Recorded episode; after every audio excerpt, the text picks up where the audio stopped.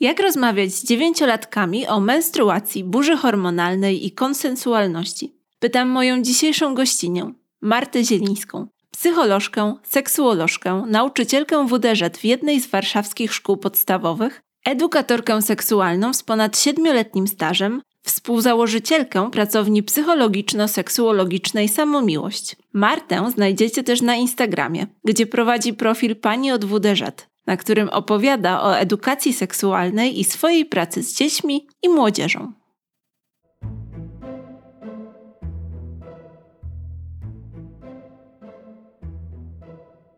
Nie mam dzieci. Nie jestem psycholożką ani edukatorką seksualną. O intymności wciąż się uczę. Dlaczego zatem podcast o edukacji seksualnej? Bo głęboko wierzę w bezpieczną przyszłość, że dzięki wiedzy przestajemy się bać, wstydzić, zaczynamy odróżniać przekonania od faktów, że edukacja jest drogą do prawdziwej, trwałej wolności.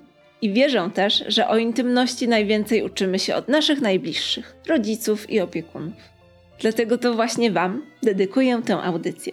W tym podcaście usłyszysz rozmowy z 19 psycholożkami, seksuolożkami i edukatorkami seksualnymi. Poznasz odpowiedzi na ponad 300 prawdziwych pytań zadawanych przez dzieci i nastolatki. Dowiesz się też, jak rozmawiać z dziećmi o dojrzewaniu, relacjach i seksie. Jak w bezpiecznych warunkach dać im najcenniejszą rzecz wiedzę, a tym samym bezpieczeństwo i zdrowie. Pamiętaj również, że zastosowany podział według wieku jest umowny. Wybrane pytania mogą pojawić się wcześniej lub później, bo każde dziecko rozwija się w swoim indywidualnym tempie. Zapraszam do słuchania.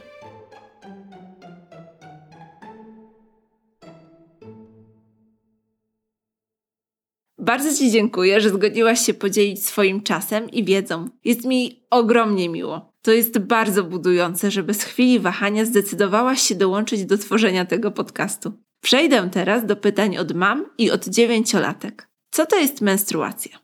Menstruacja, inaczej miesiączka albo okres, najbardziej popularne z tego co zauważyłam wśród dzieci słowo, e, to jest naturalny proces, który obejmuje osoby z macicami, tak jak mówimy obecnie. Natomiast ja bym chciała zaznaczyć, że ja w swojej pracy z dziećmi w wieku 9 czy 10 lat, no, używam jednak terminologii dziewczynki, bo jest to zdecydowanie bardziej zrozumiałe dla dzieci. Ja oczywiście rozumiem i szanuję to, że mogą być sytuacje, w których rodzice chcą używać innego słownictwa, kiedy chcą faktycznie mówić o osobach z macicami, których ten proces dotyczy, no bo taka, taka jest prawda. Natomiast na tym poziomie rozwoju emocjonalnego, psychicznego, takie słownictwo dla dzieci jest mocno abstrakcyjne, więc na potrzeby tego pytania chciałabym zostać jednak przy terminologii dziewczynki, bo tak e, faktycznie pracuję.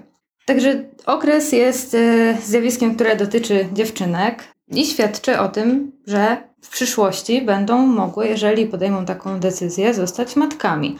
Okres pokazuje, że ich organizm zaczyna być gotowy do tego, żeby zajść w ciążę, do tego, żeby w przyszłości urodziło się dziecko. No i jest takim znakiem fizycznej gotowości do zostania matką. A czy są jakieś symptomy przed pierwszą miesiączką, które zwiastują jej przyjście? Tak. E, po pierwsze, kwestia jest taka, że no na bieliźnie dziewczynka zaczyna obserwować wydzieliny, które wcześniej nie miały miejsca, czyli y, śluz pochwowy, który no, może być albo bardziej żółtawy, bardziej mętny. To jest kwestia trochę indywidualna, ale na pewno miesiączka nie pojawia się znikąd, tylko faktycznie coś zaczyna się z ciała najpierw wydzielać i jest to zauważalne na bieliźnie. No i najczęściej miesiączkę poprzedza też wzrost y, ciała ogólnie, wzrost, ale też powiększenie piersi. Także jak zauważamy te symptomy, no to w najbliższej przyszłości można się tego okresu już spodziewać. A kiedy pojawia się pierwsza miesiączka? To jest kwestia indywidualna. Może zacznijmy od tego, że powinna się pojawić według norm medycznych do 16 roku życia. Jeżeli to się nie wydarzy, no to powinniśmy się skontaktować z lekarzem, czy to ginekologiem, czy specjalistą od hormonów, czyli endokrynologiem. E, natomiast y, okres, kiedy to się pojawia po raz pierwszy, no to jest zazwyczaj między 9, nawet czasem 8 do 12 roku życia. To wydaje mi się w obecnych czasach taki standard, y, że, że pierwsza miesiączka występuje mniej więcej między 8, 9 a 12 rokiem życia. Jak wygląda miesiączka? Tak czysto fizycznie. Miesiączka też potrafi mieć różne kolory, bo jak myślimy o miesiączce, to pierwsze co przychodzi nam do głowy to krew. No, dzieci, które nie miały styczności wcześniej z miesiączką, wyobrażają sobie taką krew, która się pojawia przy skaleczeniu czy jakimś zranieniu, taką czystą, bardzo płynną krew. A w przypadku miesiączki, no, wygląda to trochę inaczej, bo nie jest to czysta krew, tylko to są różne tkanki, które złuszczają się z ścianek macicy.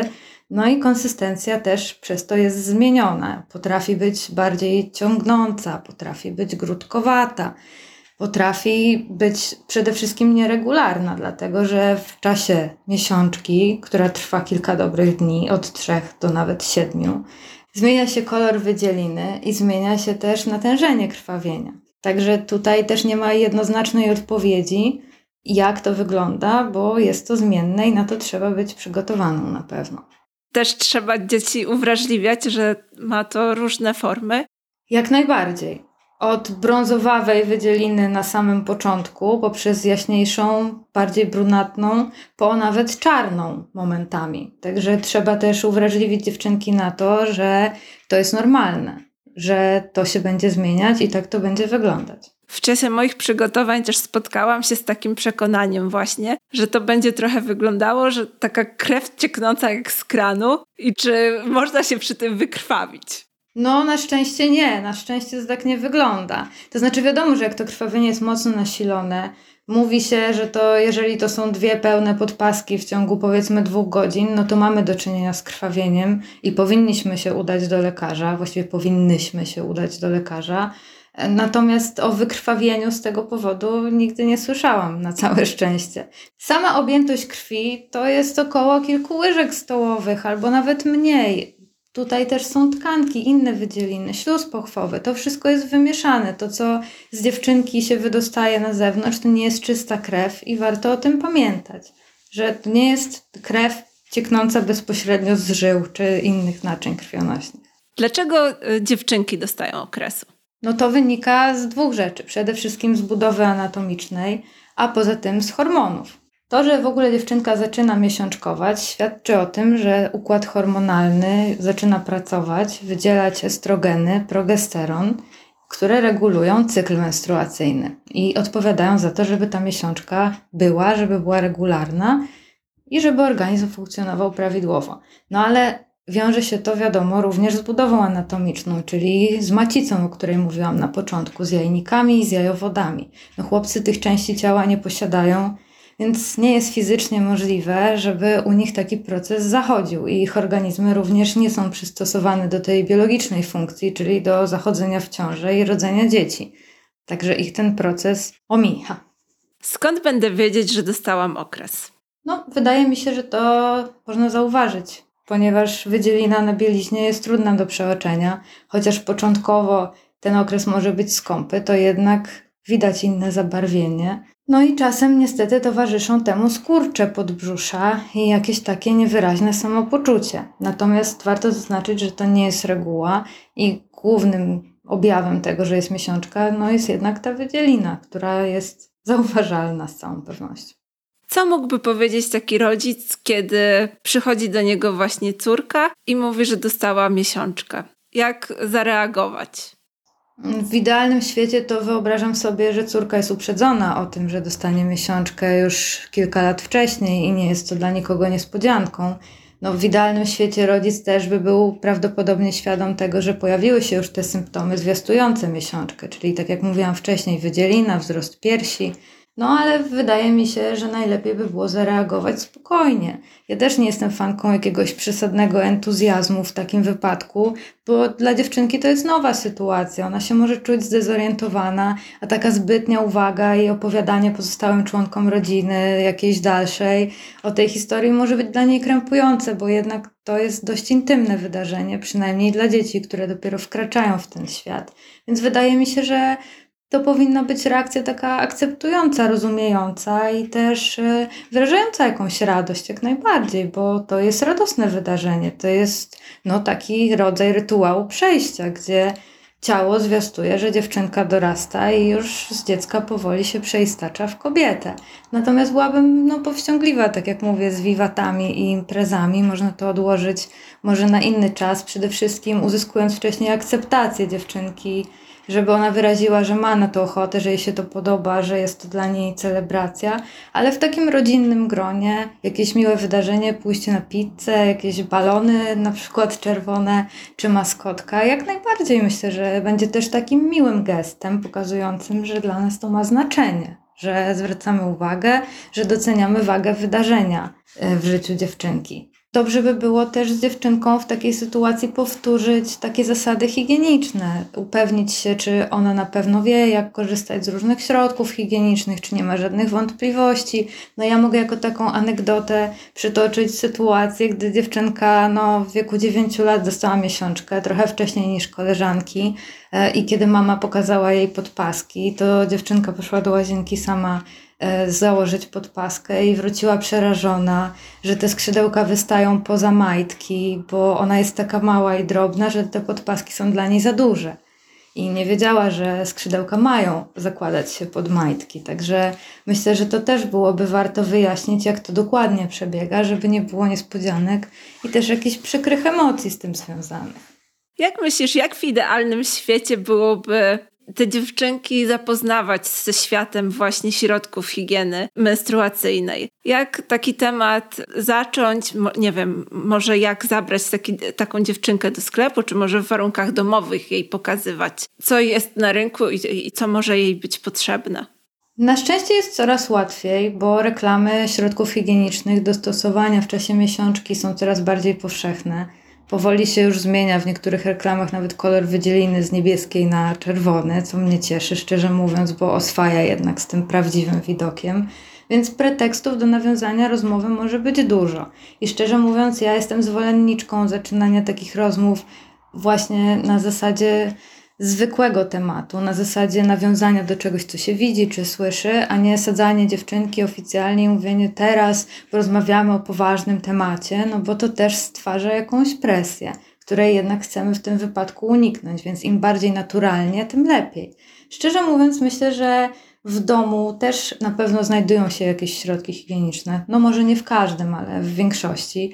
I jeżeli one są wystawione na szafce czy w jakimś widocznym miejscu, to też jest pierwszy krok oswajania dziewczynki z tym, że to jest normalne, że, że te produkty nie muszą być ukryte na dnie szuflady gdzieś w niedostępnym dla wszystkich miejscu, tylko tak jak waciki czy patyczki kosmetyczne, no są przyborem, z którego korzystamy i mogą też stać na widoku.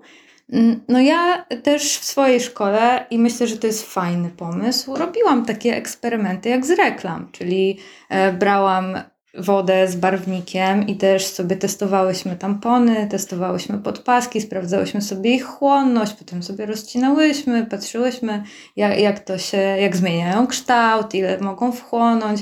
Myślę, że to jest fajne, bo też oswaja z tym, że te produkty po prostu są. One tak naprawdę niczym się nie różnią od chusteczek higienicznych czy papieru toaletowego i nie ma żadnego powodu, żeby robić z nich jakieś tabu. Także im bardziej one są dostępne, im bardziej one są tak normalizowane, tym lepiej. Na pewno warto też się przejść do sklepu, pokazać jaka jest różnorodność, bo wiadomo, że nie kupimy wszystkich dostępnych rodzajów podpasek w całej drogerii. Także możemy też pokazać, że są takie, inne, powiedzieć czym one się różnią, pozwolić dziewczynce wybrać na przykład trzy paczki, które jej się najbardziej podobają i potem przyjrzeć im się w domu. Bo są też podpaski zapachowe, których ja akurat nie pochwalam, no ale istnieją. Także no, ta różnorodność jest duża i warto też o tym powiedzieć. E, wspomniałaś o podpaskach, o tamponach, a na jakie inne środki higieny intymnej możemy zwrócić też uwagę? No na pewno mamy wkładki higieniczne, które w przypadku małych dziewczynek mogą być środkiem higienicznym do stosowania w czasie miesiączki. No jeżeli chodzi o dorosłe osoby, to wiadomo, że mniej się to sprawdzi z racji y, na po prostu ilość wydzieliny, ale w przypadku początkujących dziewczynek to też jest środek higieniczny dla nich. Wiadomo, że mamy jeszcze kubeczki menstruacyjne, które teraz z racji i bycia ekologicznymi, no, zdobywają bardzo dużą popularność, ale z mojej praktyki w szkole, bo ja mam egzemplarze pokazowe, e, które dzieciom pokazuje, daje dotknąć i też pokazuje, jak to działa, to wzbudzają bardzo duży niepokój ze względu na rozmiar. Mała dziewczynka potrafi być przerażona rozmiarem tamponu mini, a jeżeli widzi kubeczek menstruacyjny, no to na początku się to jednak kojarzy z bólem i z tym, że ten kubeczek y, może się nie zmieścić, czy przy aplikacji może jakiś duży ból powodować. Także ja bym tego nie rekomendowała na samym początku do stosowania, ale żeby zaznajomić, że istnieje taka rzecz, jak najbardziej. Ale wydaje mi się, że to w swoim tempie. Jak dziewczynka poczuje, że to jest coś, co chce przetestować, sprawdzić, to jak najbardziej to umożliwić, pokazać, jak z tego korzystać. Są też filmiki w internecie, które pokazują to na, na przykładzie dłoni. Tam absolutnie nie ma żadnych scen, które mogłyby kogokolwiek w jakikolwiek sposób urazić, bo kubeczek jest po prostu aplikowany do wnętrza dłoni na jednolitym tle, więc nie ma się czego bać i może można to łatwo znaleźć i pokazać. E, no, mamy też jeszcze podpaski wielorazowe, które różnie, różną sławą się cieszą, różne jest podejście. I też zauważyłam, że na początku dziewczynki boją się kontaktu z wydzieliną menstruacyjną, więc dla nich oglądanie jej zbyt długo, obcowanie z nią może być trudne. Także takie rzeczy właśnie jak wielorazowe podpaski czy kubeczek też dlatego mogą na początku nie być przyjęte z entuzjazmem, ale też warto powiedzieć, że coś takiego jak najbardziej istnieje. No są też y, takie tampony bez sznureczka, które też niektórzy, niektóre kobiety używają, natomiast nie jest to jakaś bardzo popularna metoda i nie jest to środek łatwo dostępny, ale też warto wspomnieć, że taki istnieje. Dodam tylko, że jest jeszcze bielizna menstruacyjna, czyli to są po prostu majtki z taką wkładką, która nie jest wymienna, która pochłania e, wydzielinę miesiączkową, czy też e, różne inne wydzieliny, bo to są, ta bielizna jest polecana także na przykład kobietom w czasie połogu. E, I bielizna menstruacyjna jest dostępna w wielu różnych rozmiarach, więc można sobie to potestować i dobrać coś zupełnie dla siebie. Ja też bym chciała dodać, że w moim odczuciu to jest dobry pomysł z bielizną menstruacyjną, ale też mam wrażenie, że to może być dla dziewczynki dobry pomysł e, dopiero po czasie, kiedy ona z tą menstruacją się zaznajomi, kiedy będzie wiedziała, ile tego jest, tej wydzieliny, jak długo to trwa i poczuje się po prostu bardziej pewna siebie i zaufa i uwierzy w to, że to nie przecieknie, że jej nie zawiedzie. No bo jak wyobrazimy sobie sytuację, że w szkole czy przy innych osobach wydarzyłoby się coś takiego, to na pewno nie byłoby to przyjemne. Więc myślę, że to też trzeba na to zwrócić uwagę, ale na pewno jest to warte uwagi i jest to bardzo mało inwazyjne, co jest na pewno plusem. Ja też się bardzo cieszę, że ty na swoich zajęciach opowiadasz o kubeczku menstruacyjnym, bo kiedy ja chodziłam do szkoły, to pomimo, że kubeczki menstruacyjne były już znane i używane, bo one są na rynku od wielu lat, to zupełnie nikt mi o tym nigdy nie powiedział i ten temat do mnie wrócił dopiero kilka lat temu, kiedy jestem już dorosłą kobietą i to też było dla mnie ogromne odkrycie. Coś, co sprawiło, że okres przestał być dla mnie czymś takim, co trzeba cały czas kontrolować i cały czas gdzieś tam e, śledzić i i, patrzeć, czy wszystko jest ok. Naprawdę kubeczek menstruacyjny w moim przypadku sprawił, że tam od drugiego dnia okresu to jestem w stanie o nim zapomnieć na kilka godzin nawet. Wiem, że oczywiście każdy musi to dopasować do siebie, do swojej anatomii, do swoich potrzeb, podobnie jak z rozmiarem i tak dalej, ale e, mamy tak dużo możliwości i super, że o nich mówisz też swoim uczennicom i uczniom, bo to otwiera naprawdę dużo możliwości. Uczniom też. Właśnie chciałabym powiedzieć, że uczniom też. Czasem na prośbę dziewczynek robimy jedną lekcję oddzielnie, bo one chciałyby zadać pytania takie dotykające ich prawdziwych przeżyć, już z takiej sfery prywatnej, i wtedy wolałyby faktycznie być w dziewczyńskim gronie. Ale jeżeli chodzi o lekcje o menstruacji, o właśnie środkach higienicznych, one są z udziałem chłopców. I ja uważam, że tak powinno być. Na początku zawsze jest y, może lekka konsternacja, ale po pierwszych 5-10 minutach to się staje perfekcyjnie normalny temat. Ja też podkreślam zawsze chłopcom, że przecież mają siostry, przecież mają mamy, przecież mają koleżanki, może w przyszłości będą chcieli mieć dziewczynę.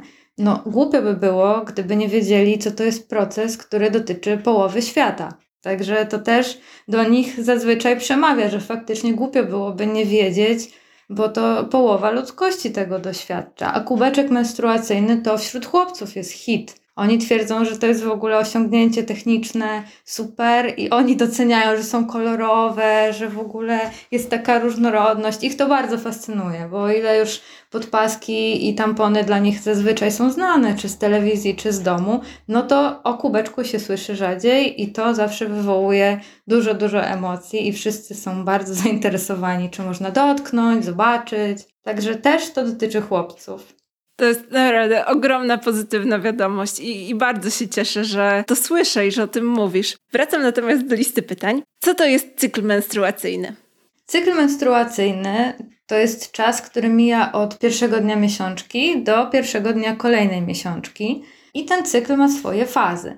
Jest faza dni tak zwanych niepłodnych, dni płodnych, podczas których występuje owulacja, czyli uwolnienie komórki jajowej do jajowodu, w którym ona oczekuje na ewentualne zapłodnienie. No i później, jeżeli do tego zapłodnienia nie dojdzie, no to komórka obumiera i wraz z błoną śluzową zostaje wydalona z organizmu. No i wtedy zaczynamy kolejną miesiączkę. Więc cykl to jest cały ten proces od dojrzewania komórki jajowej w jajniku aż do usunięcia niezapłodnionej komórki z organizmu. Osoby z macicami często śledzą swój cykl miesiączkowy właśnie po to, aby zajść w ciążę, aby zweryfikować, kiedy są dni płodne. Czy powinniśmy też namawiać nasze dzieci do śledzenia tych zmian, które zachodzą w ich ciałach? Jak najbardziej. Śledzenie cyklu jest ważne też dlatego, żeby ustalić, czy wszystko w organizmie dzieje się prawidłowo. Jeżeli chodzimy do ginekologa, to pierwszym pytaniem, jakie pada nawet podczas wywiadu, jeszcze przed badaniem, to jest właśnie pytanie, kiedy była ostatnia miesiączka. No na tej podstawie jesteśmy w stanie dużo stwierdzić, czy organizm jest zdrowy i czy tutaj y, gospodarka hormonalna prawidłowo sobie tam balansuje. A jeżeli tego nie wiemy, to też nie widzimy, jak na przykład leki, które przyjmujemy, czy dieta, którą stosujemy, wpływa na nasz organizm. Bo warto wspomnieć, że w przypadku nadmiernego odchudzania miesiączka potrafi zaniknąć. Nie świadczy to absolutnie o ciąży, tylko świadczy o tym, że organizm jest w tak złej, wyniszczonej kondycji, że nie byłby w stanie podjąć zadania utrzymania ciąży.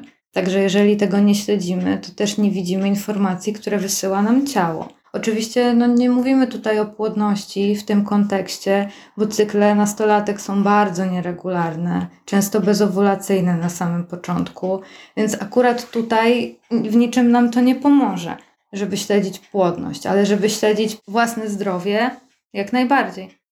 Czy mogę źle włożyć tampon? Nieprawidłowe włożenie tamponu może polegać na tym, że będziemy odczuwać ból albo dyskomfort. I w tym kontekście można włożyć tampon nieprawidłowo. On powinien się znajdować w środkowej części pochwy. Jeżeli jest prawidłowo zaaplikowany, to jest praktycznie niewyczuwalny do momentu, aż nie zacznie być naprawdę wypełniony. Także to jest w tym kontekście prawidłowa aplikacja tamponu też ciężko mi sobie wyobrazić, żeby można go było względem anatomicznym nieprawidłowo zaaplikować, no bo e, cewka moczowa absolutnie nie jest w stanie e, przyjąć tego e, naszego tampona, no a nie sądzę, żeby ktoś wpadł na pomysł wsadzania go sobie do pupy, także pod tym względem wydaje mi się, że nie ma ryzyka nieprawidłowego zaaplikowania. Ja też myślę, że możemy tutaj dodać, że na początek może dla takich początkujących miesiączkowanie dziewczynek wybierać tampony z aplikatorem, które zdecydowanie ułatwiają aplikację i też redukują stres z tym związany. I tak i nie. Powiem szczerze, że z tego co ja słyszałam, to dziewczynki mają dużo większy lęk przed wsadzaniem ciała obcego do siebie, do środka a aplikator no, jest dodatkowym ciałem obcym i że jednak mają większą kontrolę w momencie, kiedy to one prowadzą palcem tampon, który jest dużo mniejszy, węższy i że jednak uspokaja je bardziej to, że one w pełni tampon kontrolują, bo w przypadku aplikatora też to może być zbyt nagłe, ten aplikator może się wydawać za szeroki, za duży i budzić dodatkowy lęk. Na pewno warto to sprawdzić i zobaczyć, czy nam to odpowiada, czy nam to nie odpowiada, ale na pewno to nie sprawdza się w przypadku wszystkich osób. A co zrobić, jeżeli zerwie się sznureczek? Jeżeli zerwie się sznureczek, to powiedzmy sobie od razu, że ten tampon nie jest tak głęboko, że my nie jesteśmy w stanie do niego sięgnąć, bo jak najbardziej jesteśmy. E, w skrajnych przypadkach wiadomo, że można się udać do lekarza, który ten tampon wyciągnie. Natomiast wydaje mi się, że najczęściej wystarczy ukutnąć i postarać się przeć. Można również usiąść na toalecie, tak jakby się po prostu robiło kupę i starać się przeć. I też chwycić ten tampon palcami. On stopniowo zacznie się wysuwać w dół w miarę naszych skurczy i w miarę naszego parcia, ale damy radę też spokojnie chwycić go palcami. Przede wszystkim nie panikować. To jest, y, to jest moja główna rada. I to nie jest tak, że musimy go usunąć w sekundę, bo inaczej wybuchnie albo coś nam się stanie. Tylko trzeba się uspokoić, rozluźnić, starać się przeć i po prostu go z organizmu wydalić w jakiś sposób. Nie jest to trudne, ani nie jest to niemożliwe, tylko trzeba zachować spokój i przede wszystkim się rozluźnić, bo im bardziej się zestresujemy i zaciśniemy, tym trudniej będzie nam go wyjąć. Już po części odpowiedziałaś na moje e, kolejne pytanie, ale i tak je zadam, bo myślę, że warto to powiedzieć. Czy tampon może we mnie zginąć? Nie, nie ma takiej możliwości. Powiedzmy, przypomnijmy sobie anatomię. Pochwa jest zakończona, jeżeli pójdziemy w głąb ciała, zakończona szyjką macicy, której otwór jest tak mały, że tampon nie byłby w stanie przez niego przejść w żaden sposób, a poza tym wiązałoby się to dla nas z ogromnym bólem. Także absolutnie nie ma możliwości, żeby on został tam wchłonięty do środka, do macicy, do organizmu, tylko zawsze pozostanie w pochwie. No, pochwa dorosłej kobiety ma do kilkunastu centymetrów, a co dopiero e, jeżeli mówimy o dziecku, to jest kwestia głębokości pochwy kilku centymetrów, więc tampon nie ma jak tam zaginąć i nie ma takiej możliwości. Jak często zmieniać tampon, podpaskę lub kubeczek? No, wszystko zależy od intensywności krwawienia, bo jeżeli mamy ten pierwszy dzień, który jest y, no, często mało, e, mało obfity, no to wiadomo, że możemy to robić trochę rzadziej, ale jeżeli to są dni, w których krwawienie jest silniejsze, no to powinniśmy to robić, powinnyśmy to robić e, jednak częściej. Jeżeli chodzi o kubeczek, no to sprawa ma się inaczej, bo możemy go pozostawić nawet do 12 godzin, jeżeli oczywiście on nie zaczyna się wypełniać do samego końca, tylko mamy bardziej skąpe krwawienie. No jeżeli to jest kwestia podpasek, no to kwestia to też zależy. To może być od nawet 2 godzin do 4 godzin, do 6 godzin. Wszystko zależy od obserwacji organizmu, od intensywności krwawienia. No na pewno nie powinno to być rzadziej niż 8 godzin, z całą pewnością. To jest taka, myślę, górna granica, bo też y, przypomnę, że tamponów możemy używać na noc również. Także te 8 godzin ustalałabym jako górną granicę, ale jednak polecałabym robić to trochę częściej. Oczywiście nie popadajmy w skrajności, nieco pół godziny czy nieco godzinę, ale jednak myślę, że optymalnie to takie 4 godziny to powinien być dobry czas na, na wymianę, na sprawdzenie, co się tam dzieje. Myślę, że też warto wspomnieć, dlaczego nie można tamponu używać zbyt długo.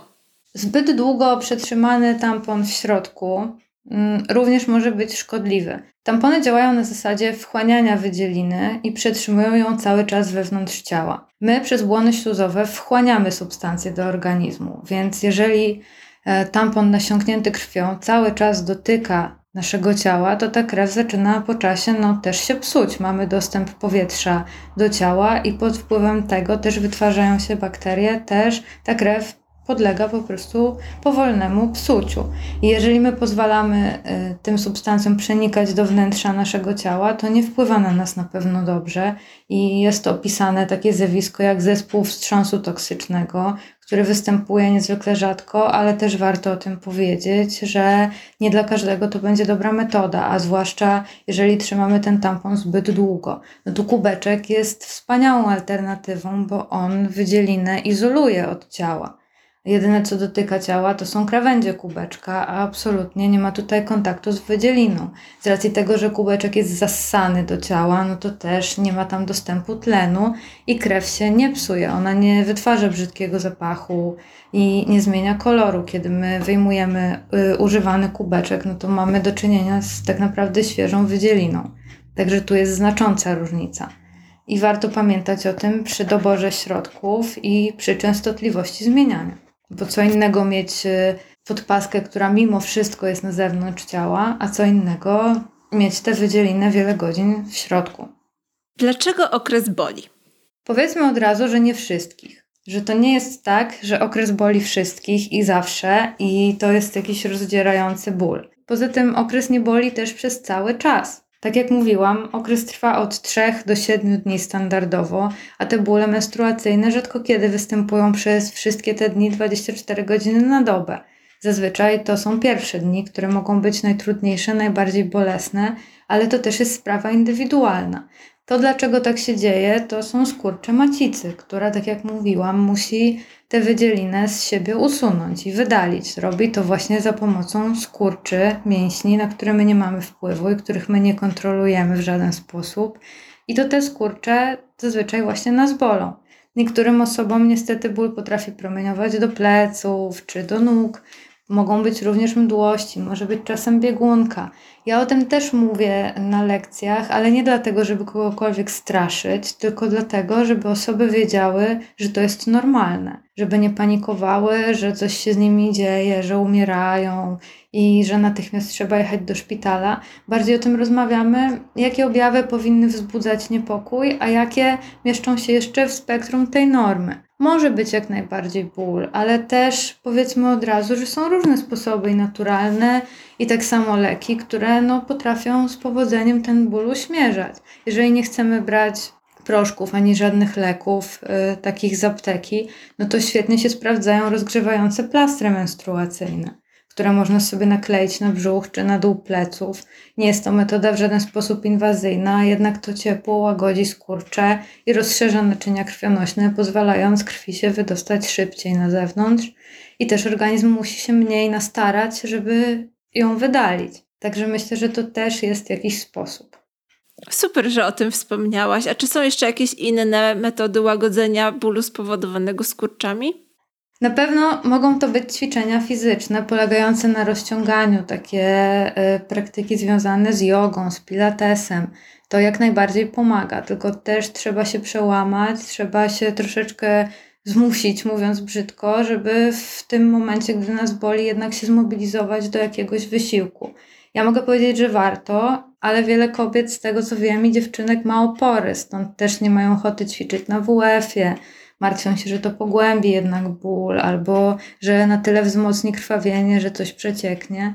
Ale jeżeli jesteśmy w domu, jeżeli mamy do tego warunki, myślę, że jak najbardziej aktywność fizyczna, taka umiarkowana, polegająca raczej na rozciąganiu, jak najbardziej może tutaj pomóc. Nie mówimy o ćwiczeniach fizycznych typu brzuszki, bo to absolutnie nie jest wskazane, ale takie rozciąganie i w tę stronę jak najbardziej tak. A co z takimi mm, metodami jak ciepły kompres czy ciepła kąpiel? Ciepła kąpiel e, to jest raczej średnio wskazana, dlatego że ciepło, tak jak mówiłam, rozszerza jednak naczynia krwionośne, więc jeżeli my bardzo długo będziemy w bardzo gorącej wodzie, to to krwawienie może się nasilić. Także ciepły prysznic myślę, że jak najbardziej, ale długa, długa ciepła kąpiel, bardzo ciepła, to już może niekoniecznie. Ale ciepło jest takim narzędziem, które jak najbardziej może ten ból złagodzić, tylko też powinniśmy z umiarem to wszystko stosować. Co to jest burza hormonalna? Burza hormonalna to jest termin, który y, ma tyle znaczeń, że właściwie nikt do końca nie wie o co tutaj chodzi, bo jedni mają na myśli trądzik, jedni mają na myśli huśtawki nastrojów i płaczliwość, drażliwość, złość. Jeszcze inni mają na myśli wzrost i zmiany zachodzące w ciele. Ja myślę, że burza hormonalna, tak w skrócie, to jest czas tych intensywnych zmian które każdy i każda osoba przeżywa na swój sposób i inne aspekty tego dają się nam bardziej we znaki. Tak jak mówię, burza hormonalna u jednych przede wszystkim będzie się objawiała huśtawkami nastroju, drażliwością, kłótliwością, jakąś płaczliwością, wchodzeniem w konflikty z innymi. Też nie do końca świadomie i nie do końca e, jakby przemyślanie, tylko też taki nastrój, który mamy, może generować trudności w kontaktach z innymi osobami, najczęściej rodzicami. E, ale też z drugiej strony mówienie, że jest to tylko i wyłącznie wina burzy hormonalnej, no też nie wyczerpie tematu. Myślę, że najlepiej, jeżeli wytłumaczymy burzę hormonalną jako czas intensywnych zmian i w ciele, i w psychice, no i też w tym, czym się interesujemy, czym się zajmujemy, kim jesteśmy, bo wiadomo, że pod wpływem hormonów też i rozwijającego się naszego ciała też w głowie pojawiają się nowe myśli, nowe uczucia, nowe poglądy na różne tematy i nowy stosunek do osób, których kiedyś na przykład nie lubiliśmy, które nas drażniły. Nagle się okazuje, że z jakiegoś powodu one zaczynają być irytujące, ale na swój sposób fascynujące. I też nie wiemy do końca, co z tym zrobić. Myślę, że to też taka niepewność, takie nowe uczucia, to też jest symptom takiej hormonalnej burzy, kolokwialnie nazywając. Wymieniłaś tutaj wiele symptomów dojrzewania. I myślę, że młodzież, dzieci na tym etapie już wiedzą, z, z, czym to się wiąże, i pojawiają się takie pytania, czy można nie dojrzewać? To prawda, że takie pytania się pojawiają, ale to jest raczej w, nie w formie, że dzieci chcą być dziećmi do końca życia, tylko one by chciały przewinąć ten okres dojrzewania, żeby po prostu już być dorośli, e, bo tego akurat często bardzo chcą, e, a wymigać się od wszystkich tych trudności. No, myślę, że niestety to jest nieuniknione, jeżeli chcemy być zdrowi i chcemy funkcjonować prawidłowo, no bo to jest nieodłączny etap naszego życia i nie do końca mamy na to wpływ. Możemy robić wszystko, żeby ten proces złagodzić, a na pewno świadomość i odebranie edukacji, wiedza o tym, co się z nami dzieje, na pewno nam w tym pomoże. Ale uniknąć dojrzewania raczej będzie trudno, a brak dojrzewania świadczyłby o problemach hormonalnych i o tym, że coś dzieje się nieprawidłowego. Więc wydaje mi się, że trzeba to niestety przeżyć, ale na pocieszenie powiem, że to mija. Co to jest napletek? Napletek to jest fałd skórny, który się znajduje na penisie i chroni główkę penisa, czyli żołądź, przed różnymi urazami mechanicznymi, obtarciami. No bo generalnie jest to najwrażliwsza część genitaliów męskich. Napletek na samym początku u małego chłopca jest zrośnięty z żołędzią, natomiast w trakcie okresu dojrzewania zaczyna się stopniowo od niej oddzielać. I chłopiec, który dojrzewa płciowo, powinien już móc y, ściągnąć napletek z żołędzi. A jeżeli to się nie dzieje, to nie należy tego robić na siłę, tylko trzeba pamiętać o tym, że jest lekarz, który takimi rzeczami się zajmuje i bardzo krótki, bezbolesny prawie zabieg, taką dolegliwość, która się nazywa stulejka, czyli niemożność y, odsunięcia napletka, może bardzo łatwo skorygować. Jest to też y, taka część ciała, która y, przy higienie odgrywa ogromną rolę, bo pod napletkiem gromadzi się taka wydzielina, która się nazywa mastka. No, możemy ją porównać tak naprawdę do tego, co się zbiera na naszej twarzy. Do, y, też mamy tam gruczoły łojowe i też musimy twarz myć, żeby uniknąć trądziku i podobnie tutaj ma się sprawa z genitaliami, tylko tu chodzi raczej o infekcje intymne, które mogą być uciążliwe i trudne do leczenia czasem. Także też pod tym względem ta część ciała jest naprawdę ważna. Gdzie ja mam te plemniki? Plemniki wytwarzane są w jądrach, czyli w tych kuleczkach, które znajdują się pod penisem, które się znajdują w worku takim skórnym, który się nazywa moszna. Ta nazwa budzi zawsze dużo śmiechu i radości. Natomiast tak, no nie wchodząc w szczegóły, to jądra są tym miejscem, w którym wytwarzane są plemniki, no pod wpływem hormonów, które w okresie dojrzewania zaczynają być aktywne. Czyli ten proces zaczyna się dopiero w okresie dojrzewania. Mogę wspomnieć przy okazji, że trochę inaczej jest u dziewczynek, bo one rodzą się z komórkami jajowymi, które w okresie dojrzewania zaczynają w jajnikach dojrzewać. Natomiast są już wytworzone i zmagazynowane nawet u noworodka. U chłopców sprawa ma się inaczej, bo produkcja plemników w jądrach rusza dopiero w okresie dojrzewania. Dlaczego dzieci nie mogą uprawiać seksu? To jest skomplikowana sprawa, dlaczego nie mogą, ale najczęściej dzieci z jakiegoś powodu zdają sobie sprawę, że nie mogą tego robić, bo jest wokół tego jakaś taka atmosfera dorosłości, atmosfera tego, że to jest zarezerwowane dla dorosłych. No ale dlaczego nie mogą tego robić? Po pierwsze, dlatego, że to się wiąże z dużą odpowiedzialnością i za siebie, i za inną osobę, z którą wchodzimy w jakąkolwiek interakcję. No, do 18 roku życia za dzieci odpowiadają rodzice, więc tak naprawdę ciężko powiedzieć, żeby małe dziecko lat 9 czy 10 mogło świadomie podjąć taką decyzję wejścia w seksualną interakcję z kimkolwiek. Dziecko też e, myślę, że nie do końca wie, z czym to się wiąże, jak to miałoby przebiegać, jak to miałoby wyglądać, do czego miałoby to prowadzić. Nie możemy świadomie zgodzić się na coś, czego natury tak naprawdę nie znamy, więc to jest na pewno jeden argument. Norma prawna to jest rzecz oczywista, czyli do ukończenia 15 roku życia no, współżycie seksualne jest karane przez prawo Więc to też jest argument, za który, który przemawia za tym, że nie powinno się tego wcześniej robić. Poza tym, w ramach tej odpowiedzialności, no, nie tylko poczęcie dziecka nowego może być efektem seksu, tak? Mogą e, się pojawić różne infekcje i choroby przenoszone drogą płciową.